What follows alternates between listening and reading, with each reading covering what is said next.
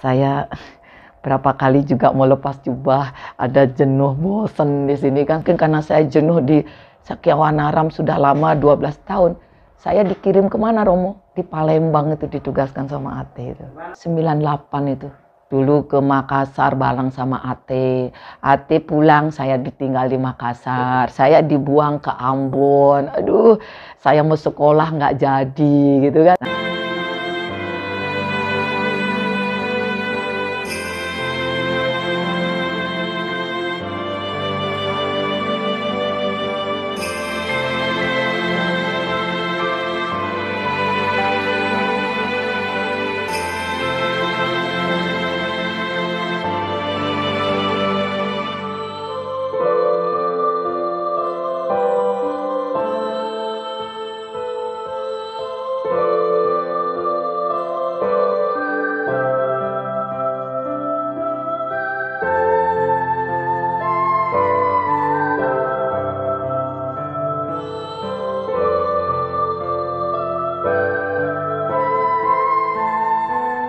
Saya jadi polisi kan dapat uh, jatah dari papa. Saya sudah lulus. Nah karena saya tabrakan, saya kan suka ngetril itu sama teman-teman anak-anak abri kan. Jadi kita anak kolong. Jadi cukup nakal saya Romo. Saya bandel, saya nakal gitu. Jadi mungkin dengan saya tril itu saya tabrakan, jadi saya nggak nggak diterima ke jadi polisi, jadi polwan. Padahal saya lulus itu lagi sekali dites kan untuk dikirim ke Megamendung. Uh, dulu Megamendung baru sekarang saya tahu Megamendung itu di sini. Uh, jadi itu sejarahnya tidak jadi polwan, ya saya jadi bikuni. Tadinya saya tidak mau sekolah di Semaratungga Romo. Saya ingin kuliah yang lain. Saya ingin tadinya sekolah uh, kesehatan. Uh, jadi di Surabaya. Tidak jadi saya sekolah. Jadi sekolahnya Semaratungga. ya sekolah agama saya. Saya bilang aduh lebih baik saya sekolah fisika ya daripada saya abidama nggak jelas ini kan saya agama Hindu Romo. Jadi saya dari SD itu saya SD baru sekolah situ kan pindahan papa. SD sampai SMA saya Hindu Saya Hindu Jadi eh, ngapain saya sekolah di Semaratungga kok kampusnya seperti ini kan? Dinginnya gimana gitu kan? Saya pingin kembali saja. Tapi kan cita-cita beda ya sudah karena ini kedua orang tua saya menyuruh saya sekolah di sini. Jadi saya bakti kepada orang tua saya mempertahankan di Semaratungga. Semaratungga pertama eh, Akib IIAB Semaratungga ya saya. Kalau saya pulang itu mungkin tidak tahu itu Semaratungga. Mungkin habis mungkin itu sekolah Semaratungga itu. Saya duduk di sini kan Ate ngajarnya kuliah umum jadi begini kok Bandi itu ada ininya ya ini kok dia ngeliatin aku wah terlalu banyak dosa kamu terlalu banyak. Terus besokannya Ate lagi ngisi saya pojok lagi diliatin saya ada apa? Saya diliatin terus dipandang gitu sama Banti Asin Cinara kita itu. Sudah gitu sudah tamat. Saya mau sekolah lagi terus uh, jadi sama Neri kan? Nah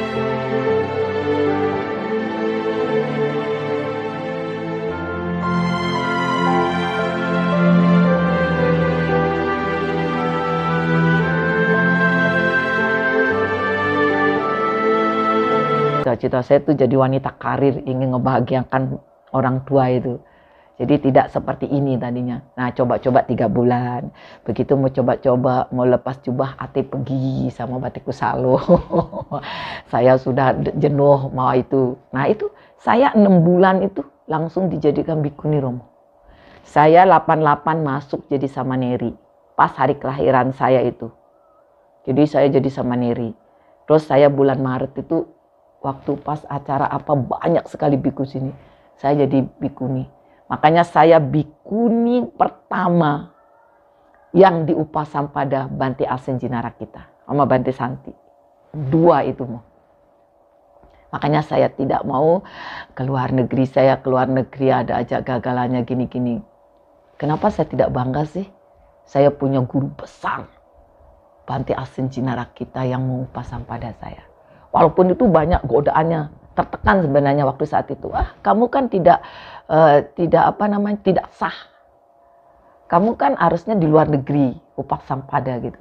kenapa saya tidak bangga sih? Saya diupah sampada sama Banti Asen Jinara kita ini. Gitu. Jadi beliau langsung waktu saya, jadi sama Neri Atai saya. Jadi mengalir gitu loh. Nah, saya tidak pernah merasa berkecil hati. Makanya bagaimana saya bisa itu jadi bikuni itu tidak ritual. Tapi saya menjadi praktisi. Makanya saya belajar terus diajarin sama Ate. Disuruh saya baca buku Merah Romo. Saya disuruh baca ini. Pulang Ate dari mana ditanyain. Ya, jadi saya pernah di hadapannya Ate ceramah. Ate begini, ayah, aduh saya disuruh ceramah di atas dipanggil. Saya bilang kenapa yang lain tidak gitu. Kadang-kadang saya berpikir ini berkah saya tuh mau. Yang lain kok tidak gitu. Sudah tidak saya, terus di saya dikasih banti lama. You main gitu. Kalau you ini pokoknya Dharma itu harus saya bisa itu. Sampai saat ini kenapa Banti Asin seperti itu saya juga nggak tahu. Hanya saya tahu. Cuma yang tahu itu Mbak Sundari, terus Mas Parjo, saya tuh sedih pingin lepas jubah. Ngapain Banti ini lepas jubah? Nah, saya diajarin untuk melatih kesabaran saya itu jadi baby sisternya Trijanoko itu. Romo tahu kan? Ngangkat, ya itu jadi apa gendong Trijanoko. Terus Trijanoko juga iya, mau sekolah saya yang mandiin, saya yang dianok di Janoko itu. Di situ saya dilatih untuk kesabaran saya sama Ate itu. Di situ tuh. Pokoknya saya terus kenapa gitu. Nah baru saya tahu jawabannya saat ini. Gitu. Jadi saya bisa seperti saat ini saya bisa ngajar anak-anak ITB. Saya bisa ceramah sama anak-anak mahasiswa. Pada zaman dulu saya tidak bisa apa-apa. Tapi setiap kalau saya diajak sama Banti Asin, pasti saya disuruh. Itu yang paling mudah, bikuni. Ya enggak? Udah gitu terus saya disuruh deket sama Bu Parwati. Bagaimana wanita itu? Sangga wanita. Sekarang udah diganti sangga bikuni, sangga agung. Harusnya sangga wanita. Kenapa ate kok sangga wanita? Sangga wanita itu adalah perempuan. Kan ada kewani kongres wanita. Kita di Indonesia sangga wanita. Sangga wanita itu bisa tantrayana masuk. Nanti terawada masuk. Eh, Mahayana masuk. Kalau sangga bikuni itu bahasa Pali. Nanti tidak masuk Mahayana Tantra. Kalau biksuni tidak masuk nanti terawada. Nah kenapa dibuat sangga wanita?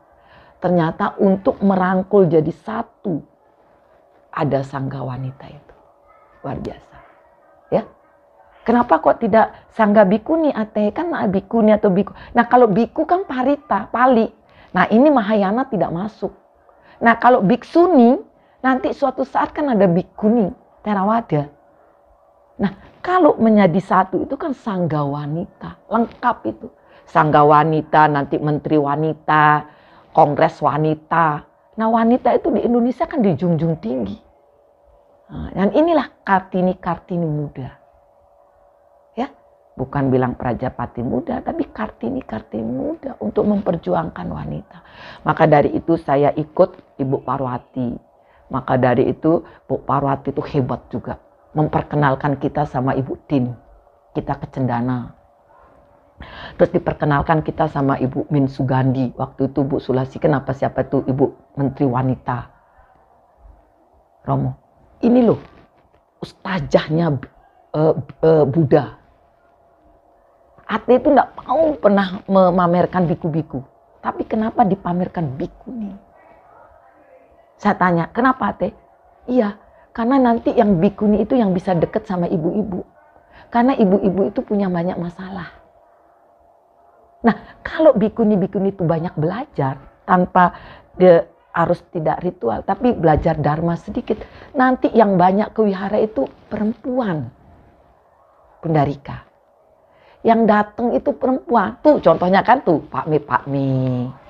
Ya, nanti yang mendukung Buddha Dharma itu para biku sangga itu ibu-ibu. Nah, pada saat itu kan saya tidak tahu Romo. Kan saya masih bayang-bayang kan saya tidak berpikir akan seperti saat ini saya itu. Ini Banti Asin. Kenapa ke saya? Gitu kan? Kan bikuni-bikuni itu. Kenapa ke saya? Sering di mobil juga cerita, kadang-kadang di atas jam 2. Saya tahu Ate itu naik ke atas cerita tentang kebahagiaan, kedisiplinan. Saya di, diajarkan kalau kamu jadi bikuni itu harus komitmen, jujur, ya, disiplin, uh, tanggung jawab. Kalau kamu itu bisa, kebahagiaan itu ada. Nah sampai sekarang ini saya pergunakan makanya saya tidak ingin pernah punya cita-cita punya ini Romo. Saya ingin punya ini tidak. Tapi saat ini saya bahagia sekali. Ibu-ibu itu saya deket sama ibu-ibu bener. Banti Asin itu. Apa itu? Kenapa saya disuruh deket sama ibu-ibu? Ternyata ibu-ibu itu banyak masalah. Makanya saya diajarin ikut saya seminar belajar bagaimana cara memahami keluarga. Disuruh baca suta-suta buku saya tuh banyak kemarin tuh hancur karena gempa itu. Jadi saya beli buku itu banyak. Saya dilatih sama Banti Lama Wajah Sagara itu. Bagaimana you jadi ini? Contoh gitu. Nah mungkin ditahu saya itu mungkin sejarahnya itu makanya saya dipertahankan tidak lepas jubah Romo jadi dulu kalau saya ingin punya duit itu saya ngancem orang tua saya. Jadi bikun itu nak punya duit, udah saya lepas jubah aja, saya jadi wanita karir bu. Saya ingin bahagiakan ibu sama bapak. Ya terserah. Terserah Banti kan tujuannya. Tapi pikir, uh, setiap saya nak punya duit, minta sama bapak, sama ibu gitu. Jadi ya udah dikasih. Ngancam, mau lepas jubah saya. Daripada saya ndak itu gitu. Nah, pada saat emosi waktu saat itu kan begitu. Jadi begitu berjalan lancar, begitu berjalan berjalan saya belajar. Ya, setiap saya mau ke China, ke Taiwan tuh gagal terus Romo. Kenapa nggak ngerti. Tapi begitu saya pingin cita-cita ke Myanmar, bisa saya tanpa harus lama. Saya bisa ke tempat ate gurunya itu saya puasa dan saya latihan di situ. Saya tidurnya ya luar biasa. Di Myanmar di Panditarama saya ketemu sama para para nenek moyang saya di sana itu. Itu. Jadi terus guru saya juga tantra Indonesia Banti Dewa. Setiap saya pergi ke tempat tantra itu pasti saya bisa ke Bhutan saya bisa ke Tibet. Tapi saya mau ke Taiwan. Ada aja ini. Ya ke Hong Kong ke Taiwan mau belajar ada aja. Kenapa ndak ngerti ya? Memang mungkin pas waktu saat itu mungkin ndak ndak nyambung kali ya. Mungkin bahasa juga Mandarin mungkin ndak nyambung lah kamu itu bahasa Mandarin kan gitu. Biasanya di rumah kan bahasa Parita gitu. Makanya kan dulu suhu Tenzin tuh marah banget. Jadi Banti Cina Kumari mau ngajarin saya Liam King itu bahasa Hokkien kan saya kan intelektual IIAB Semaratuga saya bukan ini tujuan saya gitu. Ya, ya Bunda, bukan Liam King tujuan saya.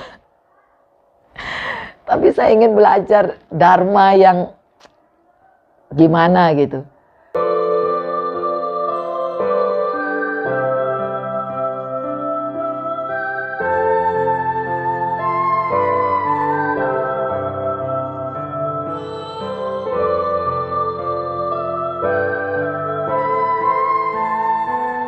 Itu sejarahnya. Jadi kenapa saya jadi seorang bikuni?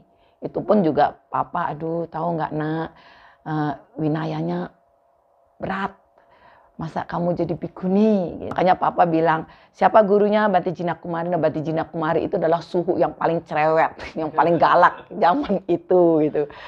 Tapi ya cukup juga Bati Cukumari ngajar saya tentang apa namanya itu, tentang kedisiplinan juga guru-guru saya orang-orang hebat